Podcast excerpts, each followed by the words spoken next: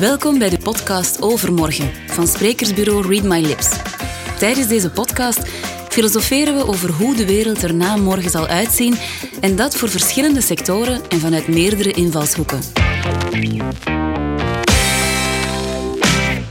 Hartelijk welkom in deze podcast. Mijn naam is Karel Verhoef, ik ben hoofdredacteur van Standaard. En ik ga vandaag in gesprek met Ruben Mersch, wetenschapsfilosoof, wetenschapsjournalist bij De Correspondent in Nederland en auteur van boeken zoals Waarom iedereen altijd gelijk heeft en Van meningverschillen een handleiding. En vandaag willen we het hebben over meningen.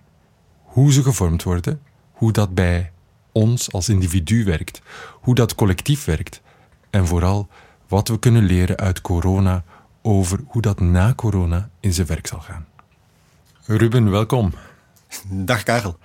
Ooit, lang geleden, toen de dieren nog spraken en we ervan overtuigd waren dat alle mensen rationele wezens waren, 100% rationele wezens, was er geen behoefte aan een Ruben Mesh. Maar sindsdien weten we dat mensen ook intuïtie hebben en gevoelens. En, Geluk, uh, gelukkig maar. Ja. Geluk, of het nu gelukkig is dat ze behoefte hebben aan mij, dat is weer een andere vraag. Maar gelukkig maar dat we geen 100% totale rationele uh, wezens zijn. Maar in elk geval, doordat we nu beseffen dat ze geen 100% rationele wezens zijn, um, gaan we ook grondiger nadenken over de reden waarom mensen een overtuiging hebben en hoe mensen dan hun overtuiging kunnen veranderen, elk individueel en collectief. En daarover willen we het nu toch wel uh, hebben, omdat Ruben het nog nooit, het hebben van een mening, nog nooit zo visceraal belangrijk geweest is als nu met corona. En laten we meteen in de diepe duiken. Als ik stel dat ik jou zou zeggen, Ruben, ik lees jouw stukken in de correspondent over wetenschappen. Ik lees het NRC Handelsblad en de Standaard. En uit al die informatie heb ik nu besloten dat ik mij nooit zal laten vaccineren. Want ik, ik ben een criticus van de pharma en dat gaat niet gebeuren. Hoe zou jij mij dan uh, inschatten? Waarop zou die overtuiging van mij gebaseerd zijn? Eh, ik, ik zou jou inschatten als eh, zijnde een, een mens. Uh, en mensen zijn, in tegenstelling tot zo wat vaak denken, niet zo rationeel. Het is niet zo dat mensen eerst alle relevante feiten verzamelen, daar dan heel lang en diep over nadenken en dan tot een conclusie komen.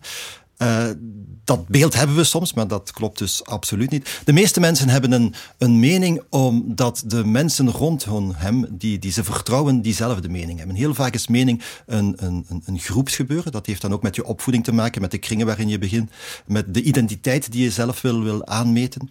Uh, het heeft ook een stukje te maken, weten we, met, met, met pure genetica. Er zijn dus wel degelijk, als je uh, tweelingen onderzoekt en je gaat kijken naar het verschil in mening tussen één eigen en twee eigen tweelingen, ga je zien dat één eigen tweelingen qua mening veel dichter bij elkaar liggen. Dus het heeft zelfs met genetica te maken.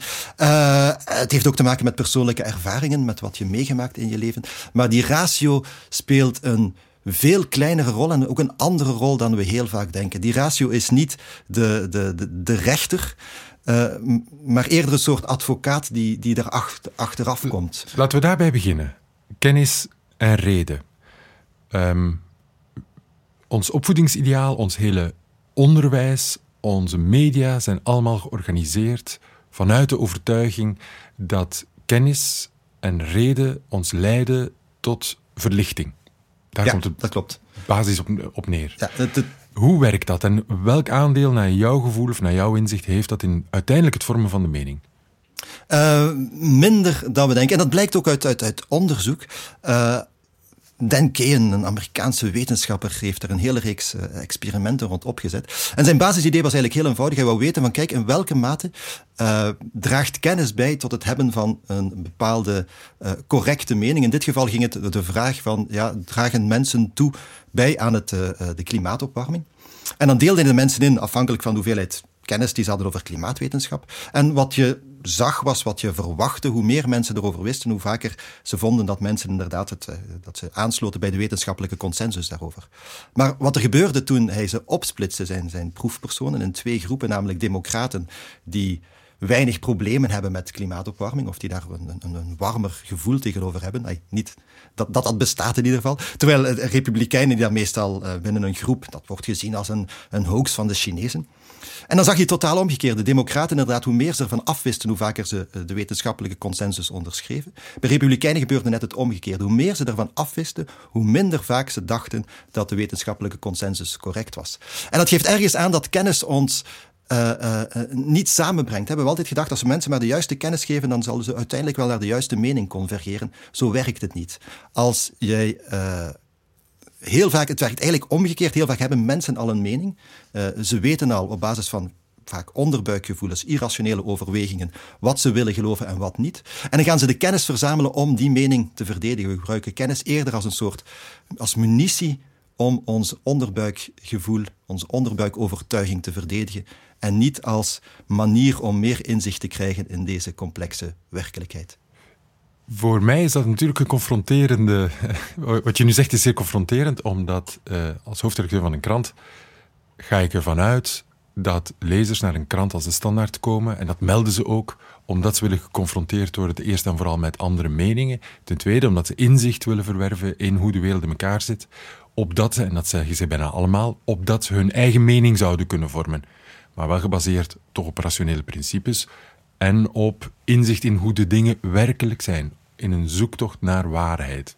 En dan gaan mensen er, lezers, daarom lezen mensen passioneel kranten, sites, gaan mensen ervan uit, ik heb nu, ik, ik krijg een glimp van hoe de werkelijkheid in elkaar zou kunnen zitten, zal zitten, wellicht zal zitten. En dat voedt mij, dat helpt mij om een gezondere mening te hebben hebben die mensen dan, houden die zich dan een, uh, spookbeeld voor ogen? gelukkig is het niet zo zwart-wit. Gelukkig is er, uh, zijn de meeste mensen ook wel, willen ze ook wel inderdaad de, de, de feiten volgen. Alleen ze, ze lijden een beetje aan een vorm van epistemologische zelfoverschatting. Ze denken dat hun mening onderbouwder is dan die in werkelijkheid is. Heel vaak, ook al hebben mensen de, de, de, juiste mening, in die zin de, de mening die volgens de wetenschap correct is, um, is een onderbouwing toch niet zo fantastisch. De meeste laten het terug even gaan over die uh, anti-vax. Ja, laten we daar even uh, op terugkomen. nee, laten we even de, andere nemen, namelijk de, mens, de persoon die wel gelooft dat vaccinaties nuttig zijn.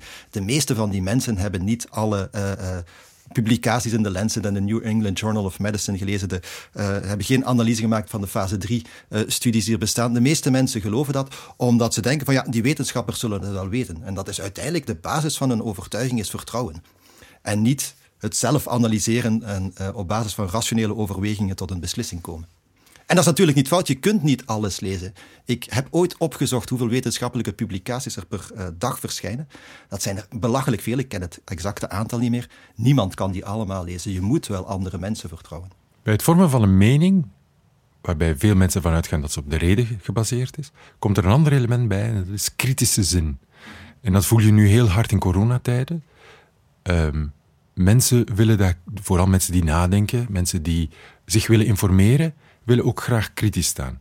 En dat kritische is voor velen, uh, voor velen in de maatschappij een bron om bijvoorbeeld kritische vragen te stellen bij de pharma, bij wat de politiek beslist. Hebben we wel een pandemiewet nodig? Hebben we een avondklok nodig? De kritische zin is interessant omdat hij hier leidt in deze pandemiecrisis tot heel tegengestelde meningen. Onlangs, uh, deze week, kreeg ik een brief van een uh, lezer die mij ook een mail stuurde. De mail afgedrukt op, uh, op briefpapier en dat ook nog eens opgestuurd per post. Om haar beklag te doen over een grote feature die we in de weekendkrant hadden gemaakt, die wij dachten puur factueel was.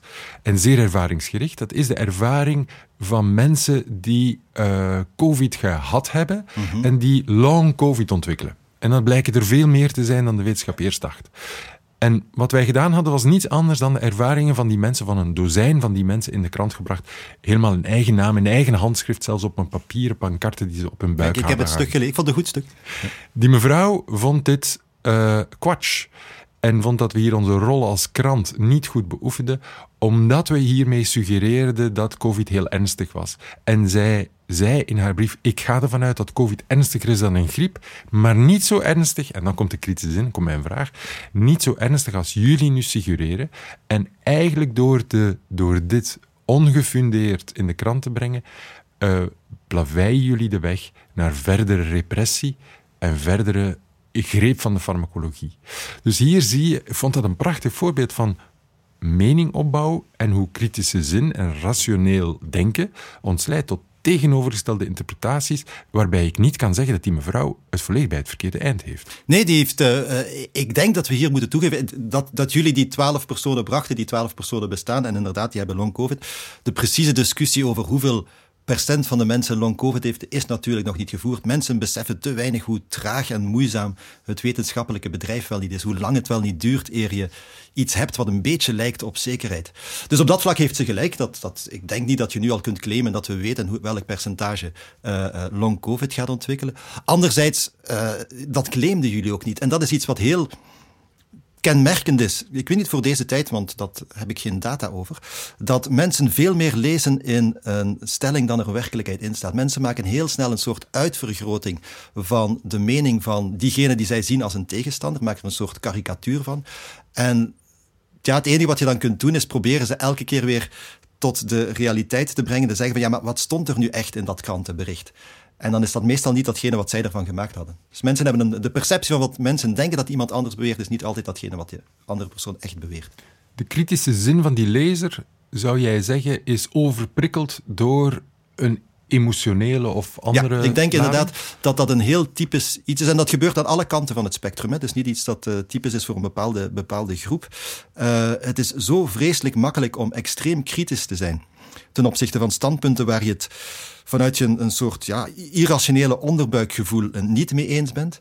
En wat ik eigenlijk altijd aan die mensen zeg is, ja, probeer die kritische zin die je kunt opbrengen voor het, het, standpunt van je, je tegenstander of van diegene die anders denken, probeer dat eens op te brengen voor je eigen standpunten. Probeer eens eigen, even kritisch naar je eigen onderbouwing van je standpunten te kijken. En als je dat doet, en ik probeer dat bij mezelf als een soort oefening af en toe te doen, dan besef je soms dat, dat ja, dat je, je mening toch iets minder gefundeerd was, of dat er ook heel veel vraagtekens bij gesteld kunnen worden. En dat is natuurlijk het, het, het nuttige van, van dialoog, van, van echt met elkaar in debat gaan. Iedereen heeft in zekere zin oogkleppen op. We zien liefst die feiten die in onze uh, uh, onderbuikmening passen. Uh, we zijn ook veel kritischer ten opzichte van feiten die, die waar we het niet mee eens zijn dan opzichte van eigen feiten. Maar onze tegenstander, als iedereen oogkleppen op heeft, ja, onze tegenstander heeft ook oogkleppen op, maar die kijkt het probleem vanuit een andere kant. Dus dat is de persoon waar je het meest van kunt, kunt leren. En natuurlijk, dat zit een, een, een nuance bij. Ik ga heel graag, ik ben zelf progressief, ik ga heel graag uh, in dialoog met, met mensen die eerder conservatief zijn, net omdat die mij veel beter kunnen wijzen op mijn eigen denkfouten dan ik dat zelf kan. Maar je moet natuurlijk niet met mensen in debat gaan die te ver van de reden afwijken. Uh, en dat is altijd een moeilijke evenwichtsoefening. Maar, maar het is wel een moeilijk, hè, dat gesprek. Uh, eerst een eigen ervaring die ik er even wil inbrengen. Onlangs had ik met een, een goede vriend ruzie over corona. die vriend, ook journalist, stelt vragen bij de dodentol en bij de manier waar. Het begon met een discussie over de manier waarop België de doden telt. Legitieme discussie. Maar je voelde al snel dat die discussie gericht was op het nuanceren. Het begint met dat woord nuanceren, kritisch benaderen, om uiteindelijk uh, uit te komen bij vragen stellen bij de ernst van COVID en vooral bij de mate waarin we onze maatschappij moeten lamleggen om COVID uh, te counteren. En um, wat mij er zo in prikkelde en wat, mij, wat ons tot ruzie leidde, was um, het idee dat dat hij naar mijn gevoel de feiten niet wilde aanvaarden. Terwijl hij, en van zijn kant uit werd het ook pittig, vond dat ik te slaafs was aan de verkeerde interpretatie van feiten. En bij mij groeide de veronderstelling, ja, je bent kwaadwillig om de feiten niet te willen erkennen. En die, dat gevoel van je bent kwaadwillig begon alle dialoog te verhinderen. Vertel eens hoe dat in elkaar zit, want dat is een fenomeen dat je natuurlijk heel vaak op sociale media ziet. Heel verkort in eh, enkele tweets, terwijl wij er uren over gedaan hebben. Het gebeurt al minder als mensen... Jullie waren live met elkaar aan het praten? Absoluut. Ja, en dat is al een, een factor die er meestal voor zorgt dat het minder snel ontspoort. Maar wel met een mondmaskertje op en wat buiten, dus de omstandigheden om een gesprek te voeren zijn ook niet ideaal. Maar goed... Ja. Uh, een van de makkelijkste manieren om, om uh, je eigen mening te verdedigen als iemand daar kritiek op heeft, is er natuurlijk van uitgaan dat die ander dom dan wel uh, in en in slecht is, moreel verdorven. Uh, dat is zelden het geval. Soms wel, hè. er zijn psychopaten gelukkig. nee, gelukkig, er zijn jammer genoeg wel psychopaten. Ehm, maar de meeste mensen zijn niet, zijn niet door en door slecht. En die man uh, waar je dan die, die ruzie mee had, is waarschijnlijk geen slecht persoon. Het is wel iemand die... Nee, tegendeel, het is een vriend. En nog altijd. En nog We hebben het bijgelegd. Dat is, dat, is al heel goed, dat je ondanks de meningsverschillen toch nog bevriend kunt blijven. Maar natuurlijk, het is heel makkelijk om iemand... Als je niet naar zijn kritiek wilt luisteren, het is best ingewikkeld om... Uh, feitelijke kritiek te geven, echt zijn redenering te ontzenuwen en te kijken van te zeggen van ja, daar en daar liggen de fouten. Het is veel makkelijker om te denken van goh, dat is gewoon een slecht persoon. Daar hoef ik niet eens mee in debat te gaan, want dat is een, uh, dat, dat is een, een klootzak. Dat is iemand die moreel slecht is. Dus dat is een heel makkelijk verdedigingsmechanisme dat we continu gebruiken en dat meestal onterecht is. En versterkt, socia versterkt sociale media uh, die connotaties van verdorvenheid en kwaadwilligheid? Sluiten sociale media uh, ons meer op in bubbels, denk jij? Uh, ja, dat is ontegensprekelijk zo. Er is heel veel onderzoek dat erop wijst dat hoe meer je um, elkaar kunt zien, uh, hoe meer je ook over, over kleine dingen, de kinderen, uh, het weer, dat soort dingen kunt praten, hoe meer je ziet dat die andere persoon ook maar een, een mens is zoals jij, hoe um, minder je de neiging hebt om die ander als een, een, tegenstander, als de vijand af te schilderen. En natuurlijk op sociale media, dan zie je wat, uh, wat lettertjes op een, op een scherm. En dan is het heel makkelijk om te denken dat die persoon die daarachter zit geen liefhebbende vader is, maar een, een absolute psychopaat, een halve nazi, een fascist, wat dan ook je kunt dat heel makkelijk daar, daar opplakken, want je, je, ziet het niet. Je hebt geen feedback die zegt van nee, dat is ook eigenlijk wel een, een sympathieke, normaal, een, een mens. Het zijn bijna geen mensen meer, hè? De, de, de, mensen waarmee je praat op uh, sociale media. Ik vind het ook wel heel grappig als ze mensen dan confronteren met een uitspraak op sociale media en ze doen dat real life, hè, met een cameraploeg erbij, dat ze plots een heel stuk, dat ze allemaal terugkrabbelen. Heel weinig mensen die, die zeggen van ja nee, ik blijf daarachter staan, dat die en die een klootzak is. De meeste mensen krabbelen terug. Zou je dan niet denken dat het een vorm van conventie is, een onaangename conventie, maar niet meer dan een conventie, om daar op die manier te discussiëren met heel zware woorden, hyperbole redeneringen, uh, afwijzingen.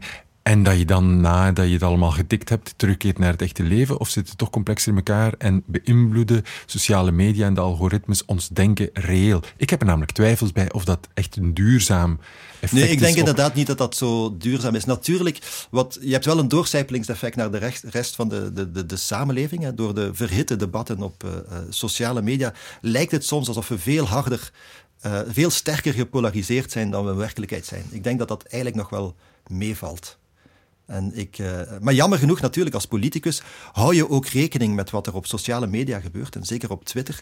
Uh, en, en ga je er ook een beetje vanuit dat dat de realiteit is, en wat, wat door, waardoor je insteek toch weer verandert. Ik ben altijd een voorstander geweest van een Twitterverbod voor politici. Als je in uh, 280 tekens kunt zetten, is het waarschijnlijk geen goed onderbouwde mening. Dus stop daarmee. Ga jij ervan uit dat de meeste mensen graag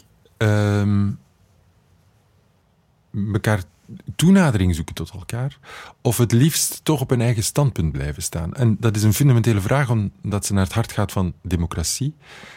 Uiteindelijk zijn wij sociale wezens um, die ook wel graag in groep beslissingen nemen en die dan ook het, de streep in het zand willen trekken over de eigen mening en zeggen: Bon, er is een collectieve beslissing, we zullen daar dan achter staan.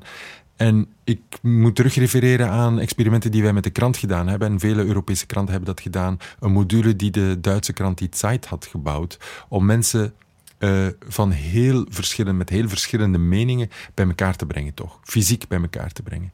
En we hebben dat nog kunnen doen voor uh, de verkiezingen van 2019. Uh, via internetmodules, de meest extreme meningen, mensen met de meest afwijkende meningen bij elkaar brengen. We hebben dat ook fysiek kunnen doen op plekken overal in het land. En die mensen waren dolgelukkig om te kunnen praten. En waren heel blij op het einde en zeiden we verschillen nog altijd van mening, maar ben heel blij dat ik heb kunnen luisteren.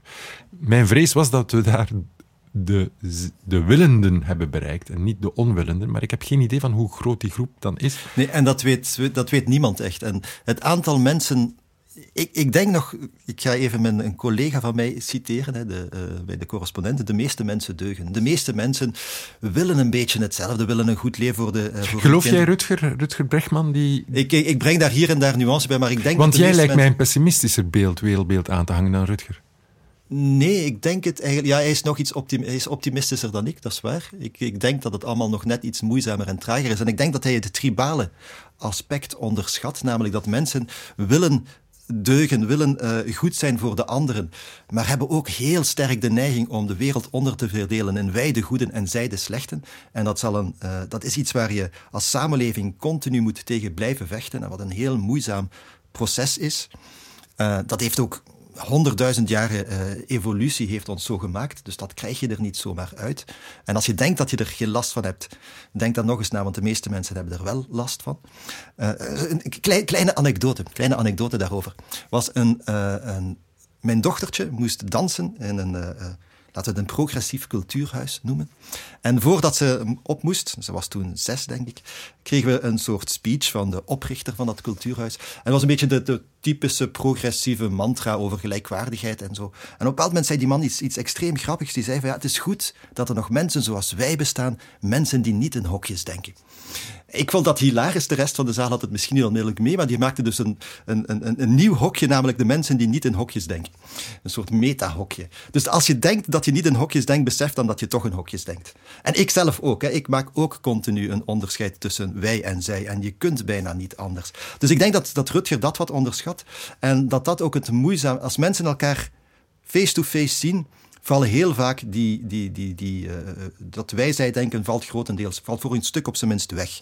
Uh, zet mensen uh, zonder contact, met alleen een computerscherm, of zelfs zonder computerscherm, maar in, een eigen groepje, terwijl ze praten over de anderen. En dan kan dat, en dat zien we ook in de geschiedenis, heel, heel, heel fout aflopen. het creëren van vijandbeelden is jammer genoeg iets des mensen. Dus op dat vlak ben ik een beetje pessimistisch. Ik denk dat dat wij-zij-denken een zeer moeilijk uit te roeien iets is. En dat je er niet mag van uitgaan dat we dat al overwonnen hebben. Dat we een soort universele moraal hebben waarin iedereen eigenlijk het, uh, hetzelfde vindt. Uh, nee, dat, dat is nog niet voor vandaag. Jij bent journalist voor de correspondent in Nederland. Um, grondige journalistiek met geëngageerde lezers. Um, progressief, mag ik wel zeggen. Ja. Lezers waarvan je zou denken, die uh, hebben over de meeste onderwerpen dezelfde basisintuïtie. En die kunnen wel van mening verschillen over details, maar bon. Toch zie je op de platformen van de correspondent soms uh, interessante en felle discussies.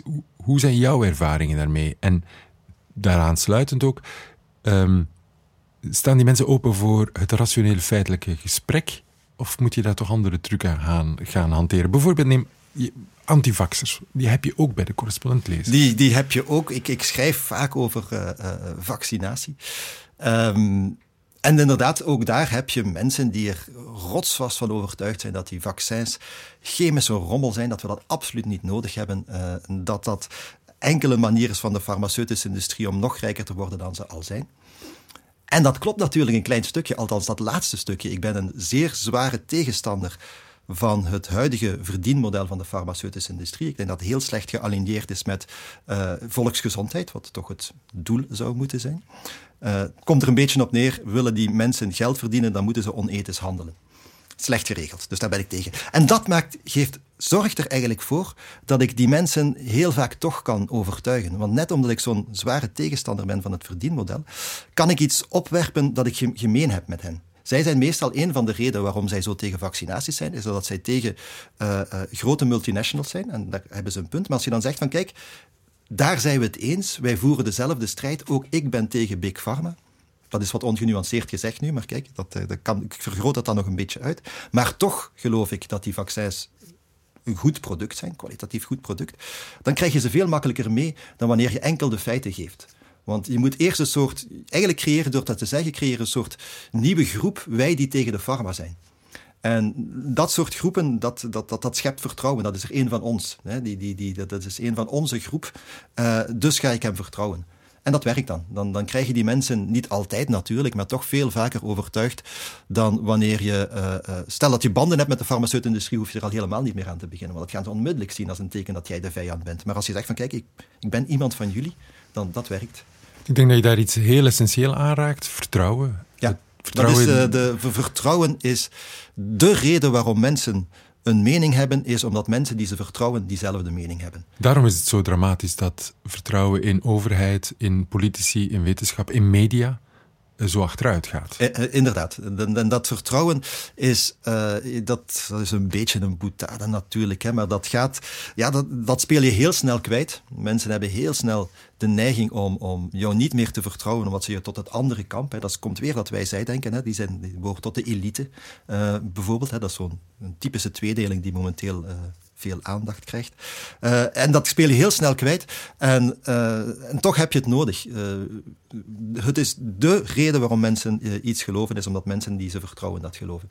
Dus als jij als krant dat vertrouwen kwijtspeelt, dan zit je met een groot probleem omdat je positie als boodschapper of als tussenschakel in vraag wordt gesteld en dus alles wat je doet um, een intentie meekrijgt. In ja, het, wordt, je, je gaat gepercipieerd worden als uh, een, een, een, een, organisatie die een bepaalde rol heeft in deze samenlevingen, waarbij die rol diametraal staat ten opzichte datgene wat de lezer zou willen. Je, je wordt gezien als het behoren tot het andere kamp waarbij je allerlei sinistere doelstellingen aangesmeerd zullen worden. Van het uh, in stand mhm. houden van de elite tot het. Uh, je voelt natuurlijk dat vertrouwen afkalven is samengegaan met de populistische revolte die je ook in Europa voelde opwellen.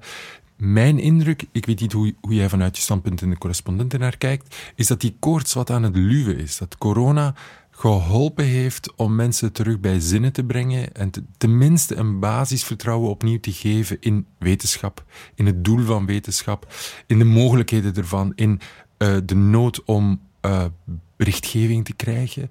Zelfs al is het uh, media die vermalendijde virologen interviewen, dan toch willen ze dat graag lezen. Hebben ze het nodig, omdat ze er ook hun eigen, hun eigen hachje staat te Tuurlijk, inderdaad. er is niet zo goed om vertrouwen te kweken dan een gemeenschappelijke vijand. En die hebben we nu in de vorm van een virus. En de enige zelfs als je enorm kritisch staat ten opzichte van de, de, maatregelen, denk ik toch Nee, er is een fringe die, die, die, die, denkt van ja, die corona, dat is eigenlijk helemaal geen probleem. We hadden niks moeten doen en ons leven was nog allemaal veel beter geweest. Of het is een complot. Ik denk dat dat een, een kleine groep is, want de meeste mensen beseffen van goh, willen we hieruit geraken, dan zullen we niet anders kunnen dan wetenschappers vertrouwen. We moeten wel. En dus ja, dat, dat, dat, uh, ik denk dat dat een, uh, een, ook op langere termijn een, een rol gaat spelen. Ik hoop, misschien ben ik te optimistisch, dat er toch een soort uh, nieuw vertrouwen gaat komen in in wetenschap, in media. Uh, maar uh, voorspellen is moeilijk, vooral als het over de toekomst gaat. Dus ik weet dat niet zeker. Um, individuen van mening veranderen is lastig. Maar zou het niet kunnen zijn dat we dat collectief makkelijker doen? En dan, ik vertel mezelf, um, neem corona, maar neem ook die andere grote kwestie die ons verdeelt, klimaat. Vijf jaar geleden, laat mij beginnen bij klimaat. Vijf jaar geleden had je nog een aardige hoeveelheid mensen die twijfelden aan de opwarming van het klimaat. En je had op dat vlak politieke verdeeldheid. Iets minder hier in België, maar zeker in Europa en de VS. Op dit moment, vijf jaar, nog, nog maar vijf jaar later, is het idee dat die klimaatopwarming kwatsch is en uitgevonden is door ik weet niet welke groepen die daar een voordeel mee doen, is volledig geluwd. En nu gaat het debat bij wijze van spreken over hebben we nog nucleair nodig de volgende vijf jaar. Hetzelfde voor corona je hebt in de loop van deze coronacrisis natuurlijk groepen gehad en groepusculus die twijfelen aan de ernst en is het wel een griepje en moeten we niet versoepelen enzovoort. Maar ook die versoepelaars zijn veranderd en iedereen heeft kunnen ervaren, en dat is hetzelfde wat met klimaat aan de hand is, uit eigen ervaring weten we nu, omdat je familieleden hebt ziek zien worden, collega's, mensen hebt zien sterven en bij klimaat omdat je ook wel de zomers en de winters meemaakt. Ervaring is de beste manier om collectief onze verandering, onze mening te doen veranderen. Ben je het daarmee eens? Ja, ik ben het daarmee eens. Je, ziet dat ook in, uh, in wetenschap, hè, waar een, een uh, je zou verwachten dat als iemand met een nieuwe theorie komt, uh, en die, die, die is goed onderbouwd en die, die klopt met de feiten, dat iedereen, alle andere wetenschappers onmiddellijk zeggen van ja, dat is waar, we stoppen met wat we nu gedaan hebben, jij hebt gelijk. Zo gaat het niet. Het duurt, en daar is veel onderzoek naar, het duurt, uh, het kan makkelijk 10, 15, 20 jaar duren eer een nieuwe theorie ingang gevonden heeft. Omdat er allemaal mensen zijn, individuen, die een stuk van hun status halen uit de oude theorieën waar ze in geloofden, die van mening moeten veranderen. Maar uiteindelijk gebeurt het wel. Uiteindelijk heel, heel traag komt de waarheid wel, wel bovendrijven. En dat zie je in de samenleving ook. Uh, je kunt een, kunt een tijd ontkennen. Is het de waarheid die komt bovendrijven of is het gewoon een, de mening die verandert? Hoe zou jij het zelf ik, inschatten? Ik wil niet te relativistisch zijn, want er is ik, wel Ik ben zeker, dat hangt, dat hangt er een beetje van af natuurlijk er zijn plekken, gebieden, thema's waarover we best wat zekerheid kunnen vinden. Niet zoveel als we zouden willen, altijd minder. Maar, uh, uh, en ik denk dat je daar wel kunt spreken van de waarheid. Als je de waarheid niet iets ziet als de, de grote W, hè, maar meer iets als de beste verklaring die we tot nu toe hebben op basis van de huidige data. Ik denk dat dat komt bovendrijven. Het kan zijn dat we over 50 jaar, 100 jaar beseffen van, goh, wat we toen dachten, dat klopt toch niet. Het zit nog veel anders in elkaar. Dat is al genoeg gebeurd in de wetenschap ook. Maar ik denk wel dat uiteindelijk de, de, de, wil heel langzaam naar iets meer zekerheid uh, evolueren. Maar we onderschatten altijd hoe vreselijk traag dat gaat. Dat kun je zeggen over ziekte, over klimaat, omdat dat, ja, dit gebeurt los van ons. Iets helemaal anders is economie bijvoorbeeld, waar we het zelf organiseren. Uh, en allerlei politieke kwesties, waar de keuze uh, er niet één is van de ene is fout en de andere is juist, maar de ene waardeset overweegt en in een andere beslissing overweegt een andere waardeset. En dan komen we bij het politiseren van mening en meningsverschil en bij het domineren van het debat. Um, en dan komen we bij iets wat, uh, waar jij misschien minder oog voor hebt, omdat jij mening nogal individueel benadert. En bijvoorbeeld, ik als hoofdredacteur kijk vooral naar het collectieve van meningen. Mm -hmm. Welk paradigma over economie overheerst op dit moment? En vooral, onder welke omstandigheden en onder aanvuren van wie en met welke argumenten is dat aan het veranderen. En dat is het proces dat een krant vooral beschrijft. Ja. Eerder dan het en, nu bij de, de correspondent, bij de, de, thema's waar ik nu bezig ben, ben ik daar ook steeds meer mee bezig. Ik ga het niet meer over het individuele meningsverschil, maar ik ben, ben heel veel bezig met het businessmodel van de, de farmaceutische industrie, waar je dan ook een, zeer trage verschuiving ziet over hoe overheid versus privé ten opzichte van elkaar geframed worden, hoe dat het debat uh, uh, langzaam verschuift. En wie stuurt dat debat aan? Wie is de vormer van de collectieve mening? Goh, ik denk niet dat je dat kunt herleiden tot. Heel zelden kun je dat herleiden tot één persoon. Soms wel. Hè. Je hebt bijvoorbeeld in het debat tussen uh, uh, overheid versus privé. heb je iemand als Mazzucato die, die een enorme rol gespeeld heeft. Door te zeggen: van kijk jongens, die overheid die speelt wel een, een zeer belangrijke en, en, en innovatieve rol. Maar dat is iets wat heel traag evolueert en waar het heel moeilijk het, het, sturen ervan is een zeer moeilijk proces. Politici proberen dat natuurlijk continu. Hè, door bepaalde partijen zijn er, partijen zijn dienen er, ervoor, hè? Ja. Om dat te maar ik denk, gelukkig maar heeft niemand het ultieme succesrecept. Want dan, als, als je dat kon, als je precies uh, wist wat je moest doen om de collectieve mening een bepaalde richting uit te krijgen, ja, dan uh, was het kassa-kassa als partij natuurlijk. Hè. Dus iedereen doet zijn best en probeert door, bijvoorbeeld door bepaalde anekdotes op te blazen, door uh, feiten op een bepaalde manier te framen, door bepaalde termen te introduceren. Probeert dat debat te sturen. Maar gelukkig hebben die nooit garantie op succes. Want dan komen we op het terrein van de ideologie. Waarbij de ideologie eigenlijk een, het systeem van de mening is. Uh, wat dan wordt uitgerold door mensen die de mening overal willen uh, bijna inoculeren. Die ze overal willen in de maatschappij laten incijpelen. Zodat de mening vanzelf, de overtuiging vanzelf gaat groeien, bij wijze van spreken. Dat er een soort grassroots mening is. Zo ja. lijkt het toch soms. Uh, het zijn makelaars in mening die dat doen gebeuren. Hebben we genoeg oog voor dat collectieve? Ik denk dat ik daar zeker vroeger ook mis zat. In die zin dat ik dat collectieve te veel uh, onderschat heb. Dat ik ook van mezelf te vaak dacht dat ik toch een, een, een rationeel individu was. Terwijl ik natuurlijk Zoals we dat allemaal van ons Dat ik natuurlijk graag, ook een ja. kuddebeest ben. Um, dus ja, en ik denk inderdaad, die dynamiek, je, je verliest soms het door te kijken naar het individu verlies je soms inderdaad het beeld van het, uh, van het geheel. Maar weten hoe dat, als je al weet hoe ingewikkeld het is om onderzoek te doen naar hoe individuen een mening vormen, dan is er nog een, leg daar nog een paar lagen complexiteit op en pas dan kom je aan theorievorming over hoe groepen van mening veranderen. Inderdaad, ja. En dat is, ik denk niet dat we al weten hoe we dat gaan kunnen bepalen. We hebben natuurlijk wel stukjes, fragmentjes van inzichten, maar het, het, het grote beeld is er waarschijnlijk ook niet. Ik denk dat het, sommige dingen zijn te complex om in een eenvoudige theorie uh, uh, gevat te worden. Om af te ronden, Ruben, we zitten allebei in de business van uh, inzicht verwerven en dat publiceren voor een groot publiek. Wat is jouw echte drijfveer om journalistiek te plegen en zaken, complexe zaken uit te spitten voor de correspondent en daarover te publiceren? Is het jouw, of mag ik meteen de directe vraag stellen, is het jouw bedoeling om meningen te informeren of zelfs te sturen? Ehm, nee. Of beter, ik probeer dat niet te doen. En ik zeg niet dat ik er mij niet toch aan bezondig. En zeker mijn mensen die fel wel mij, met mij van mening verschillen, zullen vinden dat ik dat doe.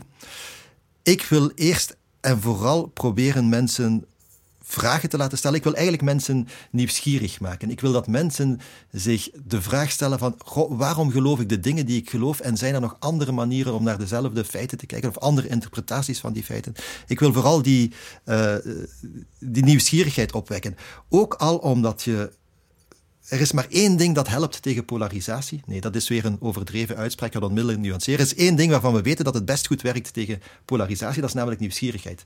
Nieuwsgierige mensen zijn zeer moeilijk uh, uh, uh, te polariseren. Die willen geen gelijk hebben, die willen nog beter begrijpen.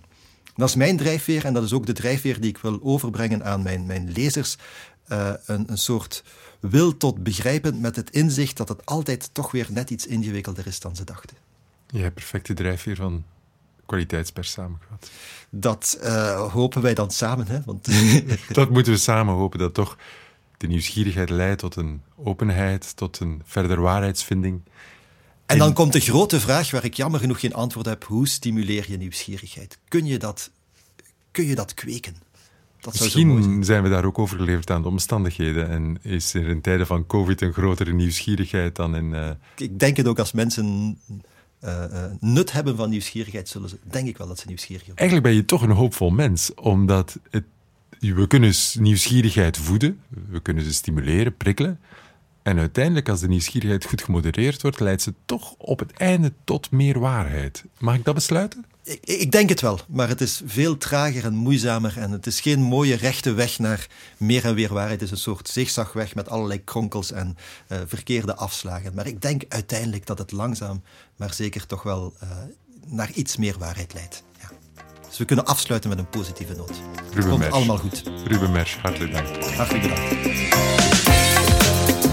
Beluister alle podcasts van Overmorgen op Soundcloud of Spotify. Met veel plezier aangeboden door sprekersbureau Read My Lips.